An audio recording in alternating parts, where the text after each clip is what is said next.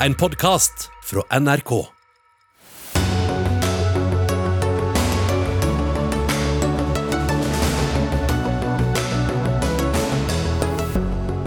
Må millioner amerikanere bli arbeidsledigere for å redde økonomien? Ikke ifølge alle økonomer, og ikke ifølge alle politikere. Men det er kanskje det som vil skje hvis det blir trippelheving av renten i USA, som mange tror. Venstre vil gjøre det lettere for russiske forskere å komme til Norge. Hjerneflukten vil ramme Putin, mener partiet, men ikke glem sikkerhetsrisikoen, sier andre.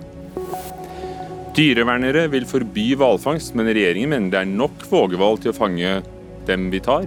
Og vi skal snakke med en som akkurat har landet 20 tonn hvalkjøtt på kaia. Apekoppene er her, og flere skal det bli.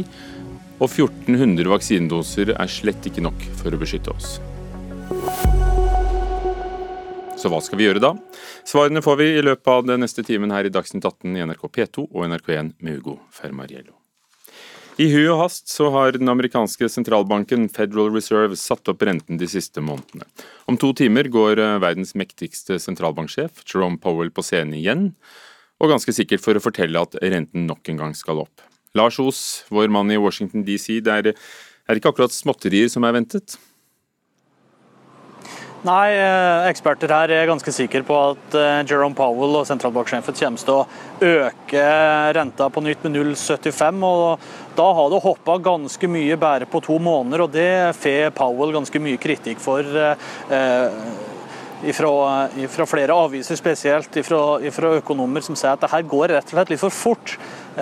Vi trenger bare gå tilbake til 2017 til 2019, da styringsrenta gikk opp fra 1,5 til, til 3% men det var da i mye små, mindre marginer. 0,25 opp annenhver måned eller hver måned, så da var det mye lettere for folk flest å på en måte henge med, og for store selskaper å henge med. Så nå går det egentlig veldig fort, og det er ikke alle så veldig happy med. Så nok en gang, hva vil den havne på nå? Ja, Nå forventer vi da at den havner på 1,5. Det er fortsatt ganske lågt sånn historisk perspektiv. Styringsrenta kommer til å gå enda litt høyere opp, 2,75 om jeg ikke husker helt feil. Og Det gjør at mange amerikanere som har ganske mye lån, kommer til å få det litt vanskeligere med å betale det her. Altså, I hvert amerikanske hushold så er det rundt 6500 dollar med kredittkortgjeld, altså 65 000 kroner. Og det er ganske stor, stor gjeld generelt i husholdninga når det gjelder bolig. 71 av alle utgifter på, på, gjeld generelt er bolig, så amerikanerne kan nok få det litt vanskeligere faktisk med å betale gjeld, iallfall i kort sikt fremover. Og Det er gjelden og boliggjelden, men prisene har heller ikke økt mer på 40 år enn det de gjør nå i USA. Er dette også noe folk merker, og som du som du registrerer når du går rundt i USA? Ja, Det er ikke bare folk flest som merker det. Jeg, jeg sjøl merka det òg når jeg kom tilbake fra, fra ferie. Hadde vært borte i USA i rundt to måneder, og da var handlekørja betydelig dyrere. Kanskje 10-12 dyrere enn det jeg var vant til. Jeg sjekka et møbel som jeg hadde kjøpt meg i fjor for å, for å se hva prisen var på det. Den hadde dobla seg. Det ene da, som president Biden er veldig glad for nå, han har skrøttet av det i går, det er jo at bensinprisene er på vei ned. Har gjort det i snart en måned. Det var fem dollar for gallon, altså 3,8 liter bensin for måneden siden. Det var historisk høyt. Nå ligger den på ca. 4 dollar 30 cent, og den er på videre vei ned. Men f.eks. matvarer er fortsatt ganske høyt. og Siste anslag nå var f.eks. at egg hadde gått opp med over 30% Mjølk og meieriprodukt lå på 16-17% Så det er fortsatt veldig dyrt for den vanlige amerikaner å rett og slett leve i USA i dag. Lars Os i Washington, takk skal du ha. Katrine Wellesen Løken, økonomiprofessor ved Norges handelshøyskole. Ja, hva er det den amerikanske sentralbanken prøver på? For vi hører jo hvordan det står til. Ja, så De prøver helt klart å få inflasjonen ned, eller i hvert fall stabilisere den. For de frykter nok å miste kontrollen over inflasjon. og Hvis du mister kontroll på, på prisene og de går for, høyt opp, så blir det mye usikkerhet. Det blir vanskelig for folk å investere, planlegge konsum. så det, Vi har sett eksempler på det historisk, på at det kan, kan gå riktig galt hvis vi mister helt kontrollen på det. Men det store spørsmålet er, vil det virke? Vil det få ned inflasjonen, og folk fortsatt stå i jobb? Så det er, det er, ikke, det er, ikke, det er mer en kunst enn en vitenskap i den forstand at det er mye som påvirker både priser og arbeidsledighet. Kriser f.eks. For og eh, forsyningskjeder, og dermed er det ikke helt sikkert. Så det er et av de få instrumentene vi har for å prøve. men man vet ikke helt sikkert at det vil, vil, hjelpe, og man vet ikke hvor mye. og Kanskje går det for fort, kanskje går det for sakte. Er, så Det er mye debatt rundt det, og det er vanskelige spørsmål. Og Selv ikke du som økonomiprofessor har et svar på om det vil virke? Ja, ikke et svar. Jeg, jeg tror det virker litt, men om det virker nok, det vet jeg ikke. Olav Slettebø, samfunnsøkonom til vanlig rådgiver, seniorrådgiver i Statistisk sentralbyrå, men du skriver også i Morgenbladet eh, bl.a. om innvendingene mot denne politikken, altså mot det å bykse opp renten 0,75% ja, jeg har gjennomført et intervju med en professor der borte i USA som, som mener dette er feil medisin. Mason heter han. Joshua Mason. Eh, og Han mener at det er et lite treffsikkert virkemiddel, fordi eh, man ønsker her å sette renta kraftig opp, bl.a. for å svekke forhandlingsmakten til arbeidere. Og Hvis de får lavere forhandlingskraft, så har de mindre mulighet til å få høyere lønn, og dermed i neste runde mindre mulighet til å øke prisene. Altså økte lønninger, økte priser. Men dette vil kreve betydelig høyere arbeidsledighet enn det er i USA i dag, mener en del av de som er forkjempere for kraftig økt rente. F.eks. tidligere finansminister Larry Summers. Så Mason er på den andre siden og mener at dette er feil måte å løse dette problemet på. Han peker på at problemet er ganske Eh, avgrenset til noen spesielle markeder, særlig energimarkedet. Og det er usannsynlig eh, at eh, oljepriser og gasspriser påvirkes veldig kraftig av rentesettinga når det f.eks. handler om tilbud fra Russland. Men Hvor brutalt kan det bli for amerikanske arbeidstakere hvis, hvis renten går opp? Altså, eh, Han jeg nevnte, Larry Summers, tidligere finansminister i USA, har foreslått at eh, det er nødvendig med en økt ledighet helt opp til 10% Dvs. Si at 10 millioner mennesker som i dag er i arbeid, må miste jobben for liksom å, for å dempe det nok. Så eh, det er klart at det blir ganske mye uenighet i USA om dette er riktig måte å løse problemet på. Men prøver de Katrine Welsen Løken, bevisst å sette opp arbeidsledigheten? Altså, En politiker kunne jo ikke gjort det, men en sentralbanksjef kan kanskje gjøre det? Ja, så Litt av kostnaden ved høyere renter er at det også vil øke noe arbeidsledighet. Men 80 i USA, da snakker vi millioner. Veldig høyt ut, og Jeg tror det er ingen som sier det helt høyt, utenom kanskje da Larry Summers. Eh, så det, jeg ville tro at de prøver å eh, legge seg lavere enn det. da. Mm. Men nå blir det en politisk debatt òg. Elisabeth Warren kastet seg ut i Wall Street Journal og skrev at dette er ikke riktig medisin, det er andre måter å gjøre det på. Finnes det andre måter å gjøre det på? Og også stagge inflasjonen? Noen mener at det finnes andre måter å løse det på. Altså, I og med at inflasjonen handler mye om tilbudssideproblematikk, f.eks. i etterkant av pandemien har det vært problemer med sånne forsyningskjeder. Slike ting kan man kanskje adressere akkurat der hvor problemene ligger. For altså eksempel, Industrien får ikke det de trenger? For Eksempel, ja. Halvledere? Eh, andre ting, ting, Man kan f.eks. gjøre noe med havnekapasitet. Også, så dette er som, nei, eh, tiltak som handler direkte om tilbudssiden. F.eks. gjenåpne atomkraftverk i Tyskland. Det ville jo hatt en direkte effekt på, på energipriser. Det er tilbudssidetiltak. I tillegg så er det mulig å gjøre sånne helt eh, kortsiktige ting for å dempe de skadelige effektene for forbrukere. F.eks. For har vi i Norge det som er en strømstøtte og Den virker veldig direkte inn på inflasjonen. Den kutter den med to prosentpoeng her i Norge. Eh, men det, er et kortsiktig tiltak for å gjøre inflasjonen mindre smertefull for forbrukere.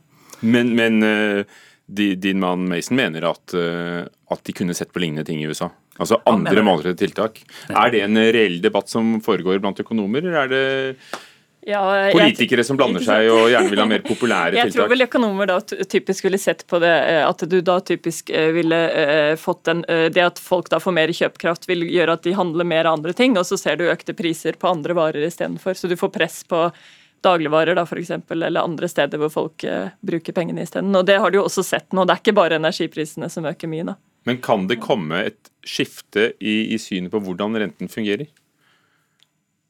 Eh, ja, jeg, det har skjedd en del ting i forhold til at uh, nå er det ikke bare inflasjonsmålet som, uh, som styrer. Det er ikke ba, det er, de ser også på arbeidsledighet, f.eks. Og, og andre kriterier. Så det er, og vi er jo ikke noen to, altså Selv hvis de setter opp renten med 0,75, så er vi fortsatt ikke på som det er en trippelheving uvanlig mye, så er det fortsatt ikke over 2% Nei, det er fortsatt på et relativt lavt nivå historisk, men rentebanen skal jo enda litt oppover. Så dette er fortsatt bare ett steg, tror jeg.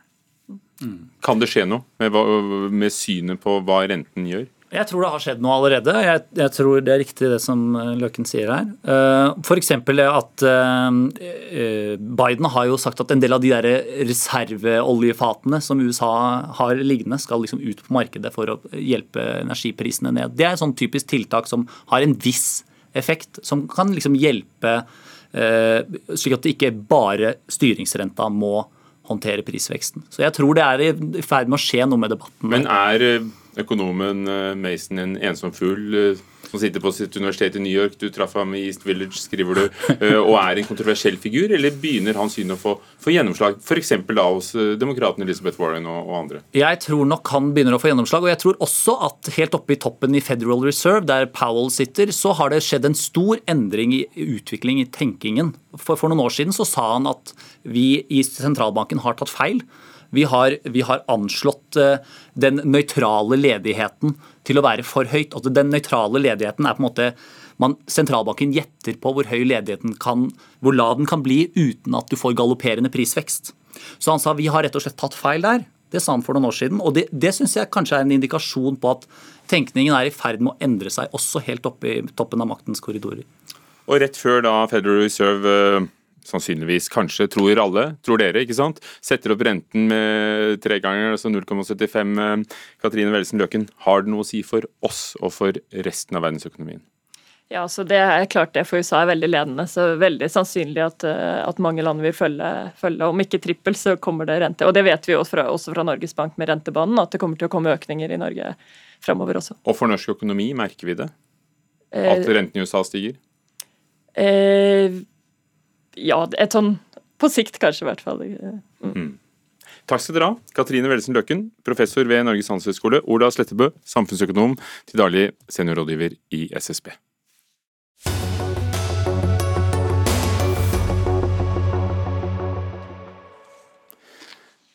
Ukrainske styrker har angrepet en bro i Kherson-regionen sør i landet i natt, og det er ventet en storoffensiv ganske nærme. Og korrespondent eh, Joakim Reigstad, du er i hovedstaden Kiev. I natt forsøkte altså ukrainske styrker å ødelegge en bro ved Kherson. Hvorfor gjorde de det? Ja, Det er antageligvis eh, slik vi forstår det, fordi at eh, ukrainerne og de ukrainske soldatene nå øyner en mulighet til å klare å avskjære de russiske forsyningslinjene inn til Kherson. Kherson er en by som ble okkupert av russiske styrker ganske kort tid etter invasjonen 24.2, og det er den største byen som russerne har klart å holde kontroll på gjennom disse fem månedene hvor krigen nå har vart i hele Ukraina. Kherson Kherson er en eh, viktig strategisk by, men den ligger slik til at man er avhengig av broer for å komme seg fra de andre russiskkontrollerte områdene og inn dit. og Derfor kan dette være begynnelsen på en ny offensiv fra ukrainsk side for å prøve å ta Kherson tilbake. Det har vært kraftige kamper i området utenfor Kherson gjennom hele denne krigen så langt. Har angrepene mot andre steder som heller ikke ligger helt oppe i fronten, blitt uh blitt færre? Ja, Det kan kanskje se slik ut hvis vi ser litt på hvor hyppig dette her skjedde for et par uker siden. Så var det nesten daglig at én eller flere byer som ligger langt unna fronten. Det kunne være f.eks. Vinica, som vi har sett. Det kunne være Dnipro eh, og andre byer, eh, Odesa f.eks., som, som ligger såpass langt fra fronten at det ikke er en del av de daglige kamphandlingene. De angrepene kan se ut til å ha blitt færre, mens det har intensivert intensivert seg betydelig nå i de østlige regionene av uh, Ukraina. og Vi ser at det er en, uh, en økning i militær aktivitet også helt øst langs frontlinjen som går i Donetsk uh, oblast. Ukraina hevder at 40 000 russiske soldater er drept. Dette er ikke offisielt bekreftede tall, og det er vel alltid et element også av hva man vil informere om, men, men kan det stemme? 40 000 høres veldig veldig mye ut, og det sier vel alle nøytrale kilder også. Et forsiktig anslag ligger på at, eh, som er fra amerikansk etterretning, ligger på at eh, ca. 15 000 russiske soldater er døde. Men det er klart dette er en del av informasjonskrigen, propagandakrigen, dette også. Ukraina er selvfølgelig interessert i å vise at de har et eh, overtak, og tallet 40 000 høres veldig, veldig høyt ut. men det er klart at tapstallene er store uansett på begge sider i denne krigen her. Men så er man da eh, på mange måter litt forsiktige med i hvor stor grad man går ut med de militære tapstallene for å bekrefte det. Ukraina har jo snakket om hvor mange sivile døde det er, men de er mer tilbakeholdne med å ville snakke om hvor mange soldater som faktisk har blitt drept i disse kamphandlingene. Så får Ukraina stadig flere våpen eh, levert kan denne krigen bli enda mer dødelig? Det er klart, eh, det er ingenting som tyder på at dette her roer seg ned. Nå ser vi at eh, det kan komme en offensiv i sør, altså ved Kherson, som vi var inne på litt eh, tidligere. Vi vet også at i Kharkiv så er det fortsatt kamper og ukrainske styrker som er interessert i å presse russerne enda lenger tilbake og helst ut av Ukraina. Og så er det selvfølgelig også behov for våpen på den østlige fronten, hvor vi ser at det nå er en intensivering av militæraktiviteten. Men det er jo også da slik, og det skal vi jo huske på når vi snakker om våpenleveranser osv., at ukrainerne trenger jo disse våpnene for å kunne slå tilbake. Våpnene de får er som regel ganske nye, ganske treffsikre. Og det er jo det man håper da, eh, at den våpentypen som leveres til Ukraina nå, er såpass moderne og god at man kan i større grad unngå sivile tapstall. Og spesielt blir jo det viktig for Ukraina nå framover, hvis de skal begynne å nærme seg de områdene som har vært under russisk okkupasjon lenge, hvor det fortsatt bor ganske mange eh, hundretusenvis av ukrainere som valgte å ikke flytte og flykte da, da russerne kom. Joakim Reistad, hvordan er eh, kvelden i Kiev? Ja, det er en uh, helt alminnelig kveld et, for et land i krig. Her i Kiev så har man hatt det relativt normalt de siste månedene. Vi ser at folk er på uteserveringer, vi ser at folk er ute i gatene. Men det er klokken 23 når portforbudet inntreffer at man virkelig blir påminnet om at dette er et eh, land i krig. Da går alt lyset av i, gatene, og folk risikerer store bøter for å være ute på gatene hvis de ikke har tillatelse til det. Men tar man et øyeblikksbilde akkurat nå, så ser det ut som en hvilken som helst annen europeisk storby. En litt sløv søndag, nei, unnskyld, onsdags ettermiddag i juli.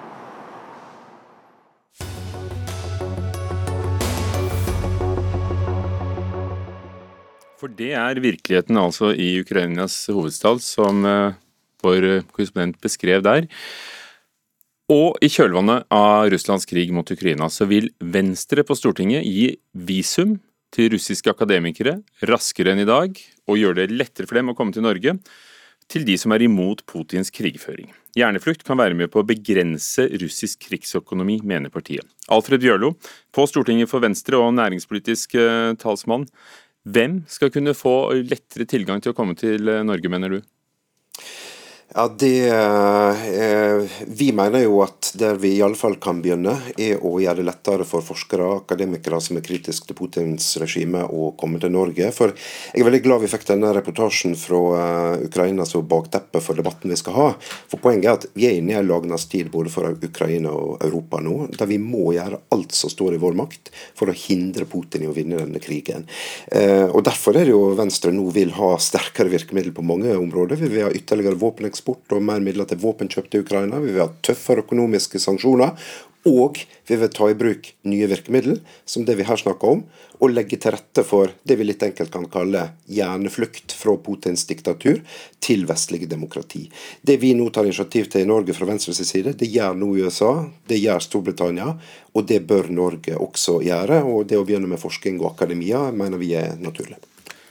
Kari Mette Presterud, vararepresentant for Senterpartiet på Stortinget, sitter i kommunal- og forvaltningskomiteen, som nettopp har ansvar for utlendingspolitikken på Stortinget. Har vi, og da regjeringen, et, et spesielt ansvar til, til, å få russiske akademikere her som er opposisjon?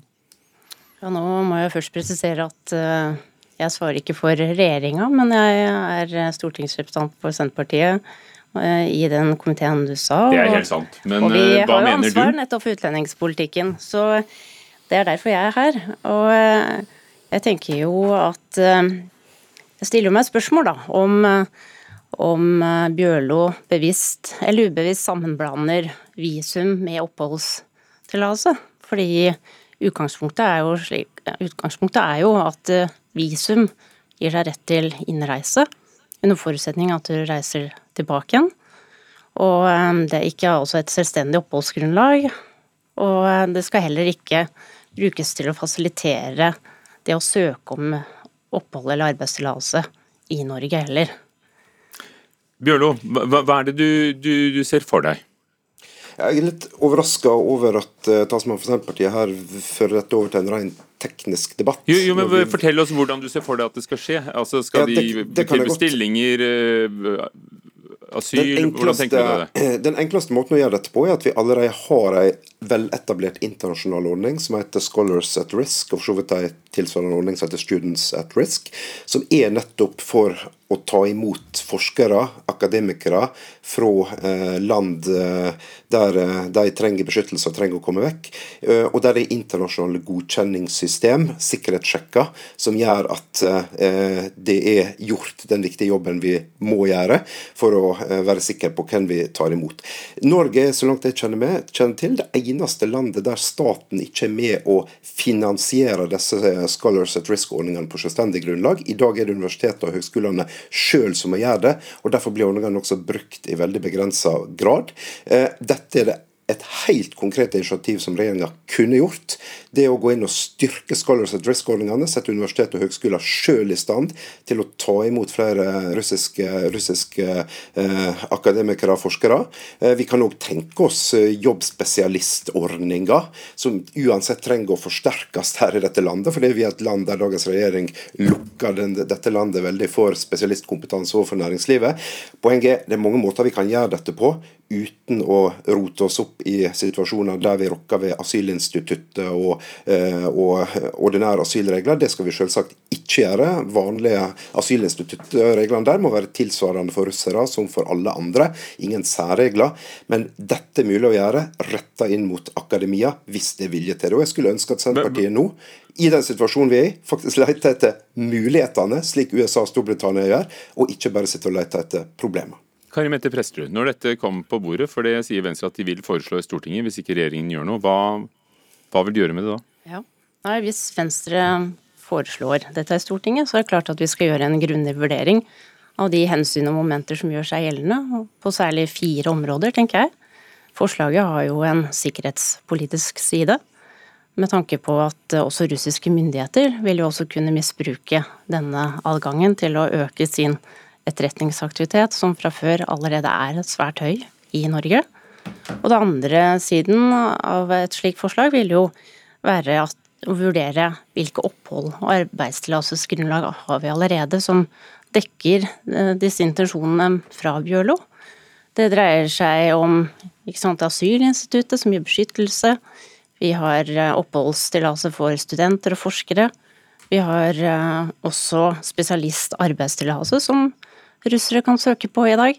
Så spørsmålet er om vi ikke allerede har tillatelser som dekker disse, disse intensjonene da, fra Bjørlo. Og det får meg egentlig over i fjerde siden av et slikt forslag eventuelt. Og det er jo den etiske siden. Hvorfor skal vi eventuelt forskjellsbehandle russere fra andre ressurspersoner i andre land som har styresett som ikke er noe mindre mildt enn det Putin har?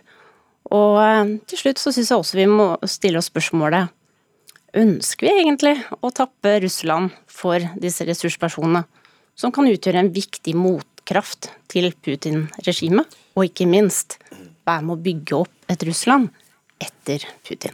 Ja, Kort til det, Bjørlo. Ja, Det siste er iallfall det enkleste å svare på det. Ønsker vi det?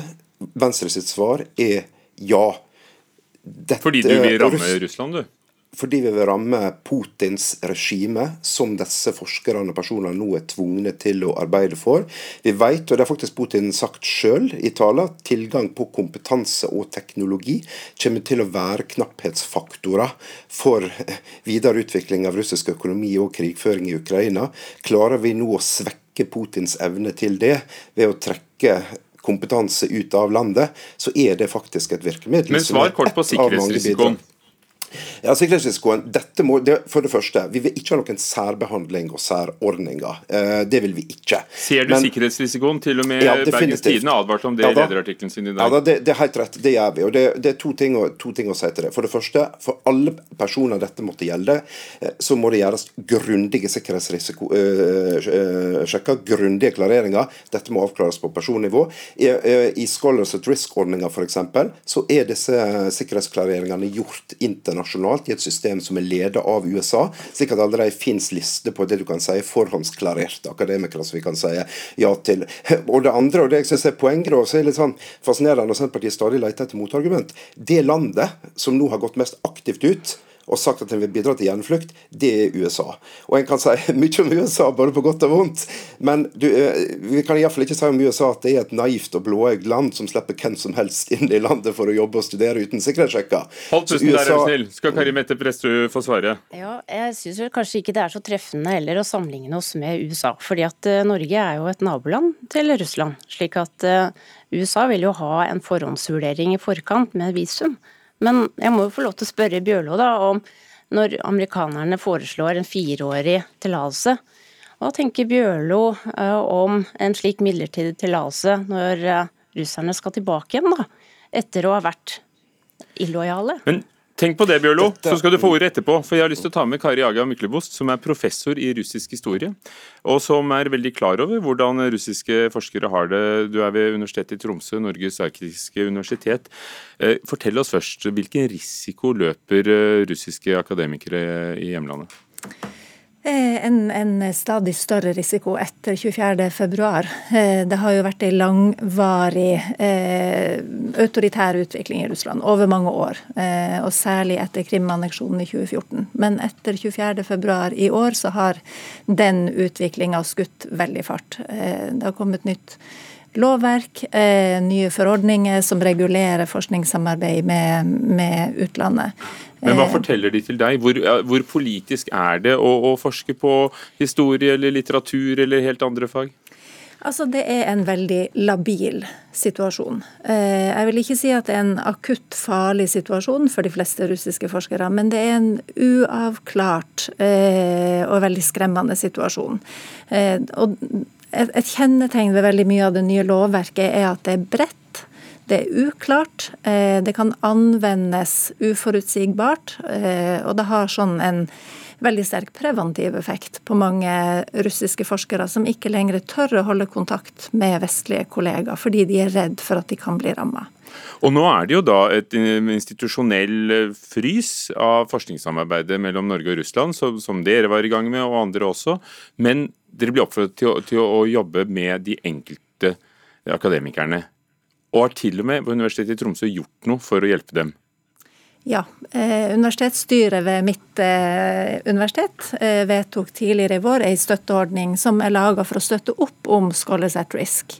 Eh, og Der kan eh, vi på vegne av våre eh, forskningsnettverk, enten pågående forskning eller tidligere forskning, kan vi søke om støtte til russiske, hviterussiske og ukrainske kollegaer. Sånn at de kan få både litt eh, midler til å komme til Norge eh, og en institusjonstilknytning. Hvis de velger å forlate sitt eh, hjemuniversitet. Og så er jo realiteten eh, at veldig få har valgt å gjøre det så langt. Og det sier mye om det uavklarte i, i situasjonen i, i Russland.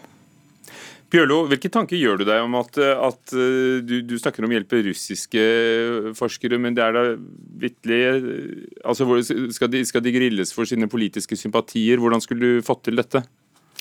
Altså, det er jo dette som blir håndtert innenfor den Scholars at Risk og Students at Risk-ordninga som Kariaga Myklebost snakker om her. slik at Der er det satt i system og er mulig å, mulig å, å, å gjøre. Det låter ikke den, som det er så veldig mange som, som ønsker seg hit akkurat nå, da? Ønske og ønske. Det handler vel også om at det er ikke det letteste du gjør å prøve å forlate Russland i, i disse dager. Så hvor mange som ønsker det, er noe kanskje litt vanskelig å svare på. Men poenget er at dette òg handler om å gi et verdi, eh, et, et synlig statement fra Norge ut slik bl.a. USA og Storbritannia har gjort. Det tror jeg er viktig for de mange russiske akademikere og fra andre land som nå står i en skvis i diktatur, om skal du arbeide for, for og i et system som du vet arbeider for en verre verden, eller har du et reelt alternativ å søke til. Og Det er da at statsledere kan gjøre det samme i Norge som en gjør i USA og Storbritannia, og si at du er velkommen til å søke om å komme hit. Vi skal forsterke og lage ordninger som gjør det mulig å, for deg å, å, bygge et liv, bygge en karriere i vårt land. Det tror jeg faktisk betyr veldig mye. Og Jeg skulle ønske at Norge for en gangs skyld kunne vise lederskap på et område som er viktig i krigen for Ukraina. Akkurat nå gjemmer vi oss litt forsiktig bak i feltet. Vi sier at vi venter hva EU gjør. Vi ligger litt bak hele tida. Nå må vi ta lederskap, og dette er et område der vi nettopp som et naboland kan ta lederskap. Altså, eh, jeg er veldig glad for at spørsmålet blir tatt opp. Det er flott at vi diskuterer det her. Men jeg tror ikke verken Norge eller russiske forskere er kjent med veldig høylytte politiske erklæringer rundt det her, og heller ikke veldig prinsipielle ordninger. Jeg tror vi må ta inn over oss at vi trenger fleksible ordninger som tar utgangspunkt i eh, de russiske enkeltforskerne sine egne vurderinger av hva som er trygt, hva de har behov for, hva de tør å begi seg ut på. Eh, så jeg tror vi må begynne i den, i den russiske enden. Og det eh, har vi jo eh, gode ordninger for. Og så er det realiteten at situasjonen nok er mer akutt. Både for russiske journalister, menneskerettighetsaktivister og politisk opposisjonelle enn for, enn for historikere og andre. Ja har jo ikke konkludert denne saken, men jeg tenker at dette er jo i så fall et forslag da, som hadde egna seg for å vurdere samarbeid med andre land, som også har felles grense med, med Russland, og ikke minst nordiske land. Men det jeg er litt opptatt av, er at vi må utvise en langt mer årvåkenhet i forhold til det vi snakker om nå. Fordi jeg mener vi har en stor jobb faktisk å rydde opp etter forrige regjering, med hensyn til den naivitet og unnfallenhet når det kommer til dette området her, når det gjelder samarbeid med land som utgjør en sikkerhetsrisiko for Norge, hvor nettopp Russland, Kina og Iran inngår. Og der får ikke den forrige regjeringen svare, og heller ikke du, Alfred Bjørlo. Vår tid er ute. Takk skal du ha. Kari Mette Presterud fra Senterpartiet på Stortinget, som eh, til daglig faktisk da også jobber i beredskapsavdelingen i Politidirektoratet, så er det sagt. Og Alfred Bjørlo fra Venstre, Kari Aga Myklebost fra Norges arktiske universitet.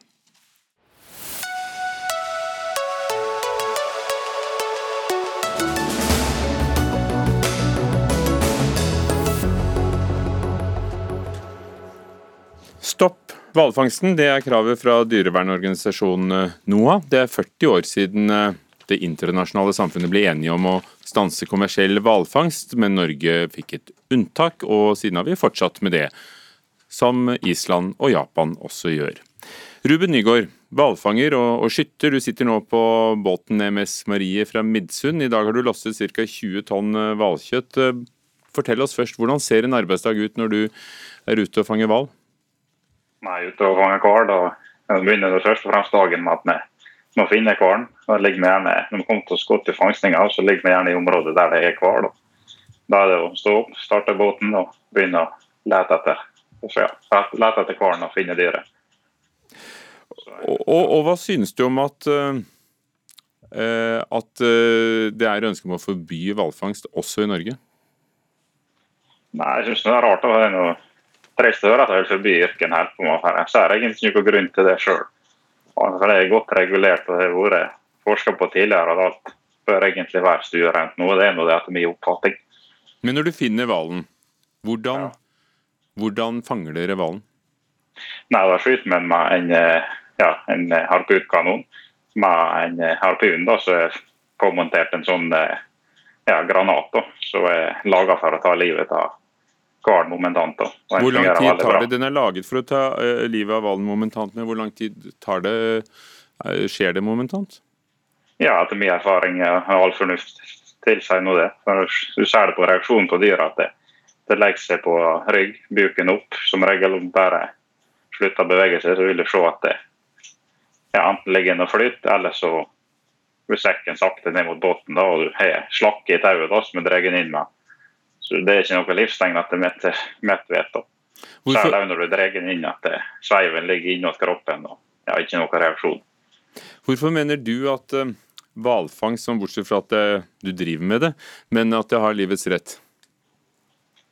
Nei, men må har høstet av naturen. Når vi alltid har gjort det som mennesker, så ser jeg ikke hvorfor jeg skal slutte med akkurat hvalfangst. Du har noen bønder på land som driver med storfe og oppdrett av dyr og slakting til slutt.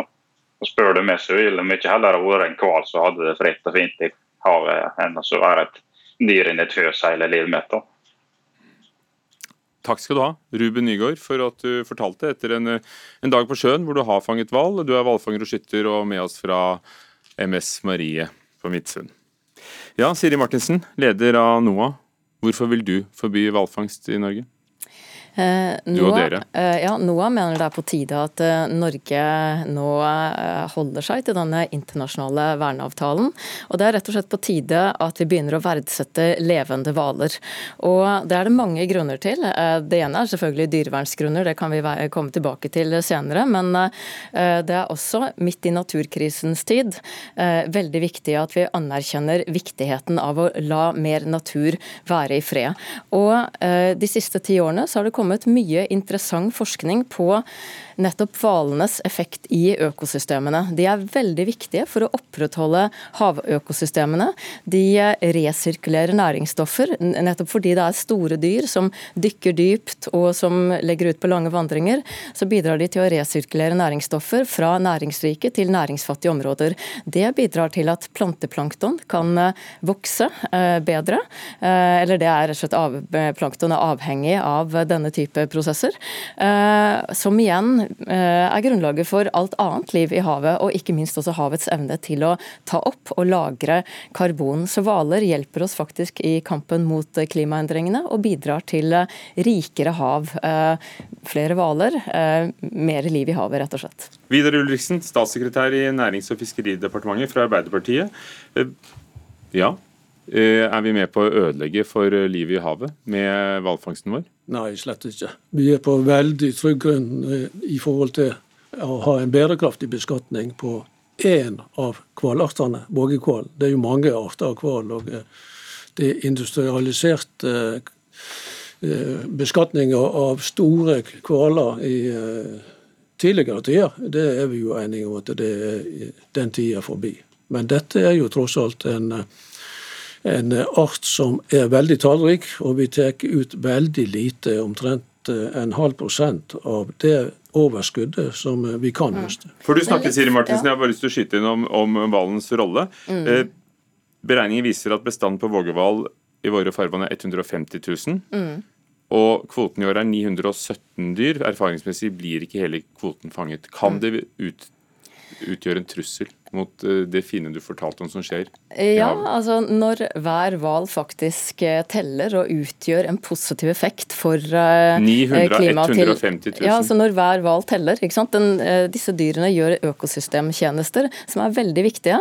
og da, da kan du si at selvfølgelig er det verre desto flere man tar, men hvorfor i all verden skal man fjerne noe som har en positiv effekt i havet? Og, og så har vi dyrevernargumentene i tillegg. Men jeg vil gjerne gripe fatt i dette her med bærekraft bærekraftig. For det har jo norske myndigheter sagt hele tiden. Og man fremstiller det, og har i hvert fall fremstilt det, nærmest som om det er for mange vågehvaler. Det er jo ikke tilfellet. Også vågehvalen, i likhet med de andre hvalartene, ble kraftig desimert av fangst. Den ble ikke utrydningstruet, men den ble definitivt desimert og er nå langt under det opprinnelige nivået. Og så er det riktig som du sier, at man nå har eh, Stoler du ikke på at denne bestanden, at, at kvotene blir nei, riktig satt, og at fiskere fiskere og fangstmenn? Nei, altså fiskere og fangstmenn, det, det, er jo ikke de som skal på en måte telle her. Det er jo forskere. Og vi har faktisk nettopp fått en rapport fra den norske statlige vitenskapskomiteen i år som peker på at man vet ganske lite om vågballbestanden. Så jeg ville brukt bærekraftig eh, litt med varsomhet, og dette at man er så på trygg grunn. Fordi truslene for også vågehvalen øker jo. Vi har klimaendringer, vi har eh, altså overfiske, vi har har plastforurensning, altså bifangst, altså at de setter seg fast i fiskeutstyr, lydforurensning fra, fra skip av ulik karakter, og i tillegg har vi da fangsten. Så, og Vitenskapskomiteen sier jo at det er vanskelig å telle vågehval, og at man ikke har noe særlig kunnskap om migrasjon, reproduksjon, og egentlig ikke vet på hvor såkalt trygg grunn bestanden er, og den er uansett lavere enn det den var. Anerkjenner du, Er det tvil om, eh, om beslutningsgrunnlaget her, om, om, tallene dere har?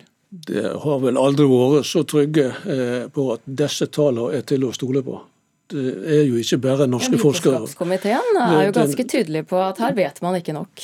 Vitenskapskomiteen i Den internasjonale hvalkommisjonen er jo de som sitter med fagkunnskapen og eh, verifiserer de tallene. For der er vi jo med, vi har bare et unntak fra vi, vi forbudet. Med, ja. Og vi har et moratorium på hvalfangst som eh, er helt i tråd med IWC sine retningslinjer og vedtekter også. Men skulle vi, skulle vi... er ikke glad for fangsten. De ønsker jo at vi skal stoppe. Men skulle vi ha tatt hensyn til er det, for, er det av ideologiske årsaker du også ønsker det? Eh. Fordi det er jo mange dyr vi, vi, vi, jakter på, eh, og mange dyr vi aler opp for å slakte. Ja, det er veldig mange grunner til å stoppe hvalfangsten. Eh, dyreetikk, som du da sikter til. ikke sant? At man har et utgangspunkt hvor man skal så langt det er mulig respektere dyrs livsønske og osv. Det er selvfølgelig viktig. Dyrevelferd er viktig. Du spurte hvalfangeren om hvor lang tid det tar, og han svarte at dyrene dør momentant. Faktum er at det er ikke inspektører på båtene, så vi vet ikke eh, i praktisk fangst hvor mange dyr som ikke dør såkalt momentant. Og selv de som man kaller, eh, man kaller det momentant død, selv de lever jo ca. ett minutt med en da sprengt granatharpun inni seg. Men 20% av disse hvalene lever jo gjennomsnittlig eller mediantid på seks minutter og opptil en halvtime. Det er jo selvfølgelig ikke noe momentant død, så det er definitivt også dyrevernargumenter. Men jeg syns det er viktig at men, men, det norske folk også får liksom liksom hører om denne nye forskningen om at hvaler faktisk er veldig viktige for havet og for klimaet. Fordi, Vidar Ulriksen, du skal ja. få ordet nå, syns jeg. Takk for det. Dette stemmer jo ikke. Det var gjort en eh, undersøkelse i 2012 av Havforskningsinstituttet der 271 hvaler ble avlivet. Det er den jeg viser til. Og eh, mellom 80 og 90% av de døde momentant. Nei, 80 Og så var det én av de 271 som eh, ble eh, skadeskutt, og det tok 25 minutter for dem å avlive. Men det er unntaket. Og 20 eh, hadde da mediantid på seks minutter. Men jeg vil jo påstå at vi har ingen gode avlivningsmetoder sammenlignet med hvalfangsten. Det er den beste avlivningsmetode vi har på villfangst. Det, det, er jo helt andre tall. Hvorfor? Du mener det er trygt, og regjeringen sier det er bærekraftig, det orden som blir brukt med den norske fangsten på Vågehval. Hvorfor skal vi ha den? Vi skal jo ha den for at eh, det er mat. Det er kjøtt som er godt og næringsrikt. Og eh, selvsagt at det må være høsta innenfor bærekraftige rammer på et trygt eh, biologisk grunnlag. Du får én sluttreplikk, Siri. Ja, man tar jo ikke hensyn til den viktige rollen levende hvaler har i havet. Og det er også viktig at hvalene får dø naturlig, for når en hval dør, så lagrer den karbon. 33 tonn eh, CO2 lagrer den på havets bunn. Viktig klimaeffekt. Også de 917 i kvoten, selv om ikke alle blir tatt. Absolutt, også de. Takk skal dere ha, alle sammen. Vidar Ulriksen, statssekretær i Fiskeridepartementet, Siri Martinsen, leder av NOAH, og Ruben Nygaard, som vi hadde med oss eh, fra båten sin.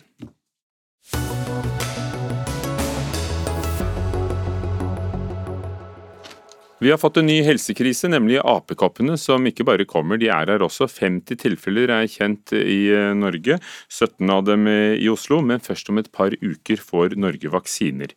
Men ikke nok til alle som bør ha.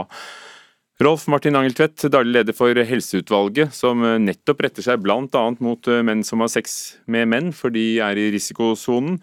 Eh, dere opplever et stort trøkk fra folk som lurer på når og hvor de kan få tak i vaksinen, og hva kan du si til dem da? Eh, da sier vi at vi ikke har så veldig god oversikt over når de vaksinene kommer, og hvem som skal få de. Eh, sånn at det er stor usikkerhet i målgruppa menn som har sex med menn per dags dato på når og hvor. Og om vaksinene beskytter, om alle skal ha de, om eh, når og hvor. Ja.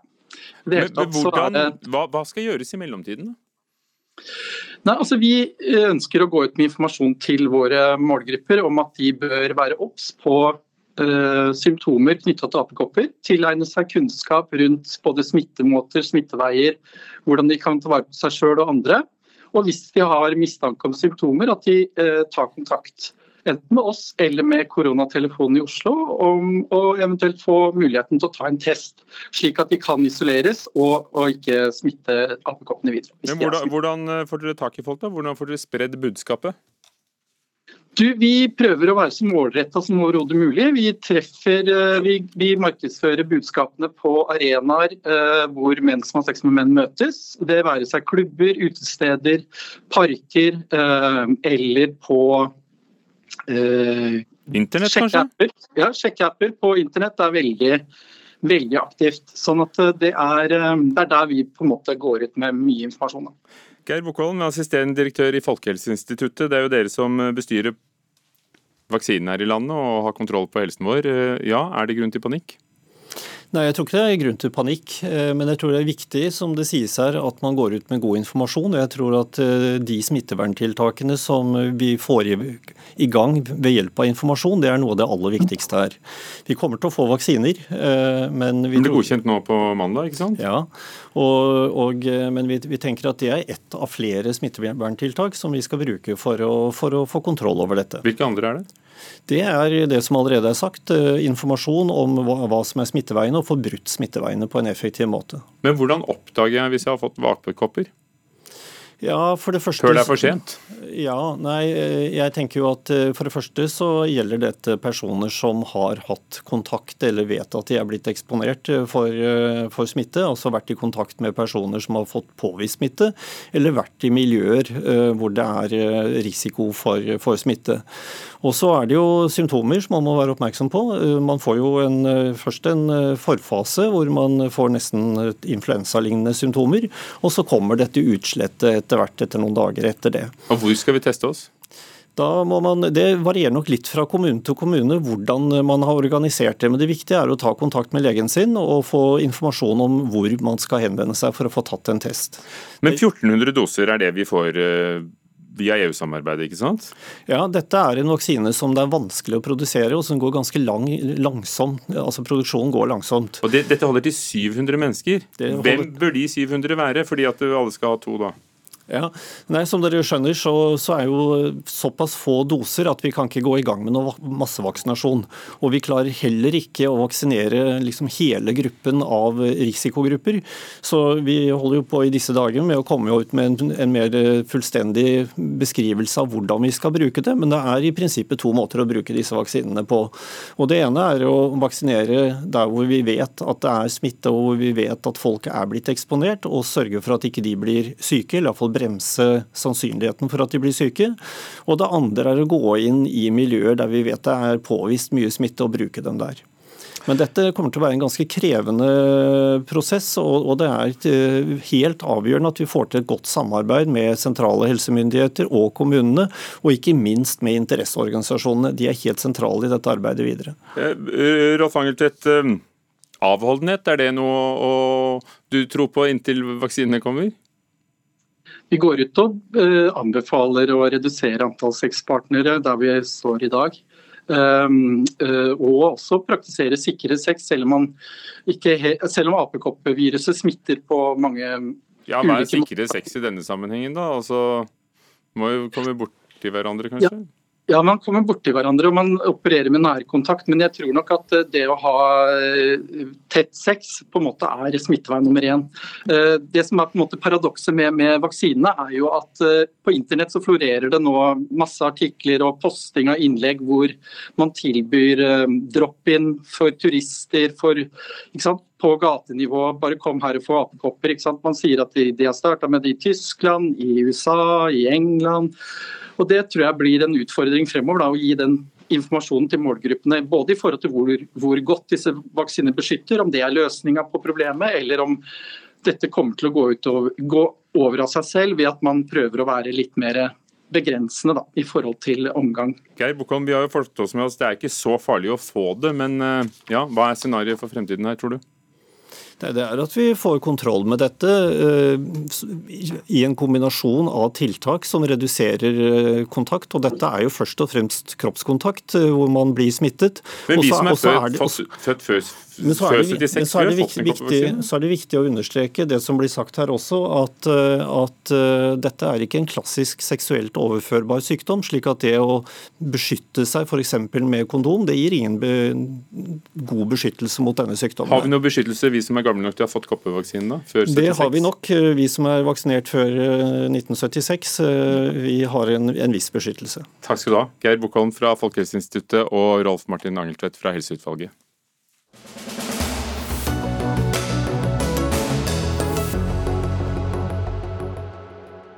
I 2035 er det regnet ut at Norge vil mangle 35 000 sykepleiere, og da er det jo dårlig nytt at færre søker seg til utdanningen.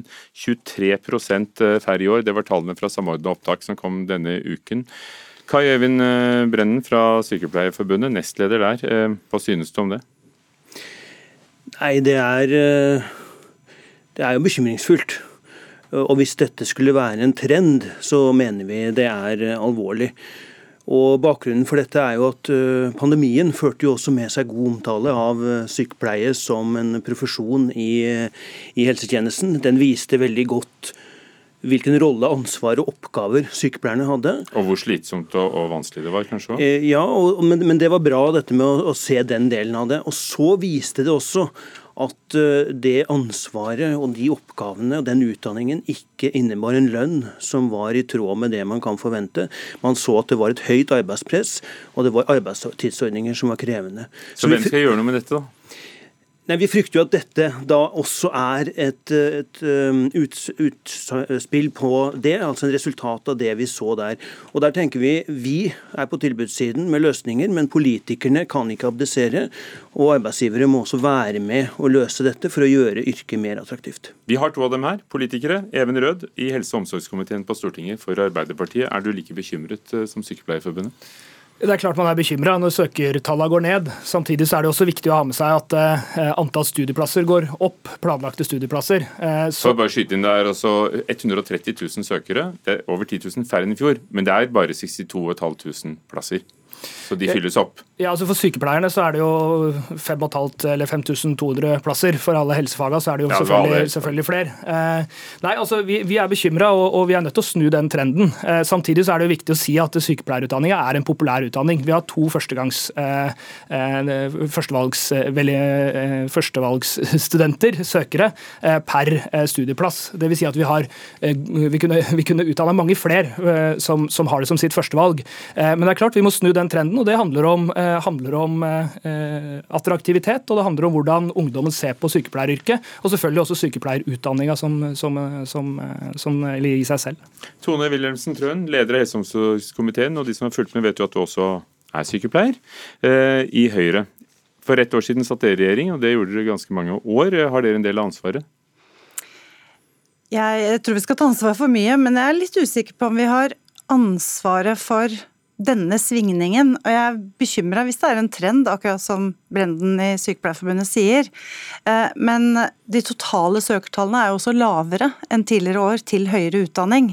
Eh, så det kan jo være at, eh, jo være at noen av disse 19-, og 20- og 21-åringene da kanskje tenker at de skal jobbe ett år, jobbe ett år til, f.eks. At det er lettere å få, få jobb nå enn det var i de siste årene som ligger forut for, for året, da. Så jeg, jeg ville ikke sett på det som en sånn eh, bekymring i seg sjøl fordi det er nok studieplasser, men det er klart at det at mange søker til studiet, viser jo at studiet og yrket er attraktivt. Og det er jo det vi må ta vare på. Den største bekymringen er tross alt at det er veldig mange sykepleiere som slutter å være sykepleiere, og ikke er det lenger. Det er den største bekymringen vi må adressere. Og, og hvorfor slutter de, Kai Brennen? Nei, Det kommer jo på det jeg var inne på. De opplever eh, en lønn som ikke gjenspeiler ansvaret sitt. De opplever et arbeidspress som er for høyt, og som har blitt høyere i pandemien, og som ikke er over. Og de opplever arbeidstidsordninger som, som ikke er eh, håndterbare eh, med familie og sosialt liv. Og Det sier jo medlemmene til oss også. Vi får jo tusenvis av slike meldinger hvert år om at uh, dette må det gjøres noe med. Og Der henvises det hele tiden til at dette må partene løse. Partene gjør alt de kan, men her må også politikerne inn på banen med virkemidler, slik at dette løses. Vi klarer ikke helt alene. For Det er kanskje like viktig å holde på dem hvis dette, denne beregningen er riktig, at vi vil mangle 35 000 uh, i 2035? Ja, Det er ingen tvil om at det er viktig å, å, å beholde dem, og det, og det, er vi jo i gang med i regjering. Vi har satt, oh ja, ned, en, vi har satt ned en helsepersonellkommisjon, og vi er, er, også i full gang med tillitsreformen. Og Hva er det for en reform igjen?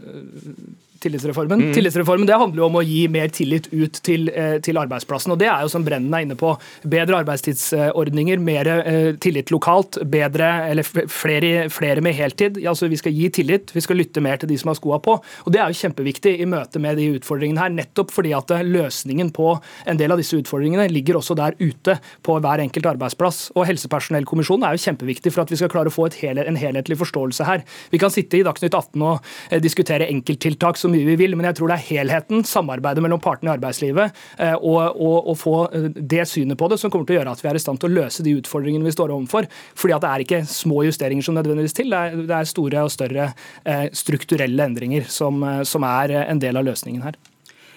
Jeg er også enig i at det blir veldig spennende å se resultatet av helsepersonellkommisjonens arbeid. For er det noe vi vet, så er det at på, for at vi skal på en måte klarer å dekke pasienters behov i årene framover, så må helsepersonell samarbeide og dele på oppgaver på en annen måte kanskje enn vi gjør i dag. Eh, men den er definitivt ikke løsningen på alt. Vi vet veldig mye allerede. Sykepleierne selv sier bl.a. at det at bemanningen er for lav, det at det er for høyt sykefravær, det at det er krevende å jobbe i turnus, Eh, det at du ikke kan klare å planlegge så lang eh, tid fram. Det at du har rett og slett for stort både fysisk og for stor psykisk belastning ved at du har veldig mye ansvar alene, det er noe av det som er grunnen til at sykepleiere vurderer å slutte. Og, og Du trenger tydeligvis ikke noen kommisjon for å finne ut av det? Nei, Jeg mener jo at det ligger veldig mange uh, viktige tiltak, bl.a. i de to kompetanseløftene som vår regjering har uh, kommet med da vi satt i regjering. Uh, flere årsverk, altså økt grunnbemanning både i kommunene selvfølgelig, men også på sykehusene, er utrolig viktig for at du skal ha nok kollegaer til å dele ansvaret og oppgavene med på jobb. Altså, eh, problembeskrivelsen og utfordringene som, som, som, sykepleiere og annet helsepersonell møter ute i tjenesten, det, det, skal vi jo ikke lenger enn å prate med Sykepleierforbundet for å, for å, kunne. Det er vi jo helt enig i. Eh, men hvordan vi løser det, hvordan, hvordan vi kommer i mål og, og finner, finner, løsningene på det, det er ikke gitt. Og det, og, og det, er gjort grep. Det er veldig bra. Problemet er at eh, vi ser ikke resultatene der ute. Og når vi ikke ser resultatene der ute på det som er gjort fra før av, så tror jeg det er veldig fornuftig å se en helhet i det. Jobbe mye, mer, mye tettere sammen i et lagarbeid for å klare å finne de løsningene som skal til for å løse de problemene som vi sitter her og beskriver. Og Der er helsepersonellkommisjonen eh, helt avgjørende, og en helt ny måte å jobbe eh, i møte med, med de utfordringene vi ser her. Eh, og det, det, er jeg jo selvfølgelig enig i, men man kan ikke vente på den. For man, man, vet veldig mye om hva det er som fungerer. Så mens helsepersonellkommisjonen jobber, så kan ikke dette bli mange tapte år hvor man ikke følger opp de tiltakene som funker, nemlig mer etter- og videreutdanning, flere ansatte på jobb, følge opp det som ligger mange i det arbeidet. År, det er jo helt feil. Nei. Helsepersonellkommisjonen legger fram sin eh, rapport 1.2 neste år. Dvs. Si at det er ikke mange tapte år. Det er en liten stund til hvor vi kommer til å jobbe med det på den måten. Og så gjør vi allerede tiltak tiltak. Vi har styrka sykehus, sykehusbudsjettene, vi har styrka kommuneøkonomien. Eh, og, Flere studieplasser, kommer det? til sykepleie? Ja, vi har 500 nye som er eh, finansiert opp. Hadde dere også også som, flere? Ja. Som, som, skal på plass. I fjor så hadde dere én ny studieplass. Men betydelig, vi har 108 flere. Vi har hatt en betydelig årsverksvekst under vår regjering. Altså Det er mange flere sykepleiere som jobber ute i kommunale helse- og omsorgstjenester f.eks. En massiv satsing på å skape en faglig sterk eh, helse- og omsorgstjeneste. Nye utdanninger for sykepleiere sykepleiere, nye karriereveier. Alt dette her er jo kjempeviktig. Jeg sier ikke at ikke, at ikke helsepersonellkommisjonen kommer til å gjøre godt arbeid. Absolutt ikke. Eh, men dere må bare ikke vente på det. Dere må også lytte til det Sykepleierforbundet sier er viktig nå. Og nå har vi Kai Brenden i Sykepleierforbundet, lyttet til politikerne. Hvilke tanker eh, gjør du deg om eh, arbeidet fra kommisjonen, og hva som kan gjøres med en gang, og hva dere etterspør? Vi eh, imøteser helsepersonellkommisjonens arbeid med stor interesse, men vi er redd for at mandatet er blitt for stort, og det tar for lang tid. Vi må ha lønna opp og belastninga ned. Og takk skal dere ha. Alle sammen. Det var eh, Lisbeth Sellereite som var teknisk ansvarlig. Synnøve Vereide Trampe var ansvarlig for det hele, og Ugo Fermariello, programleder.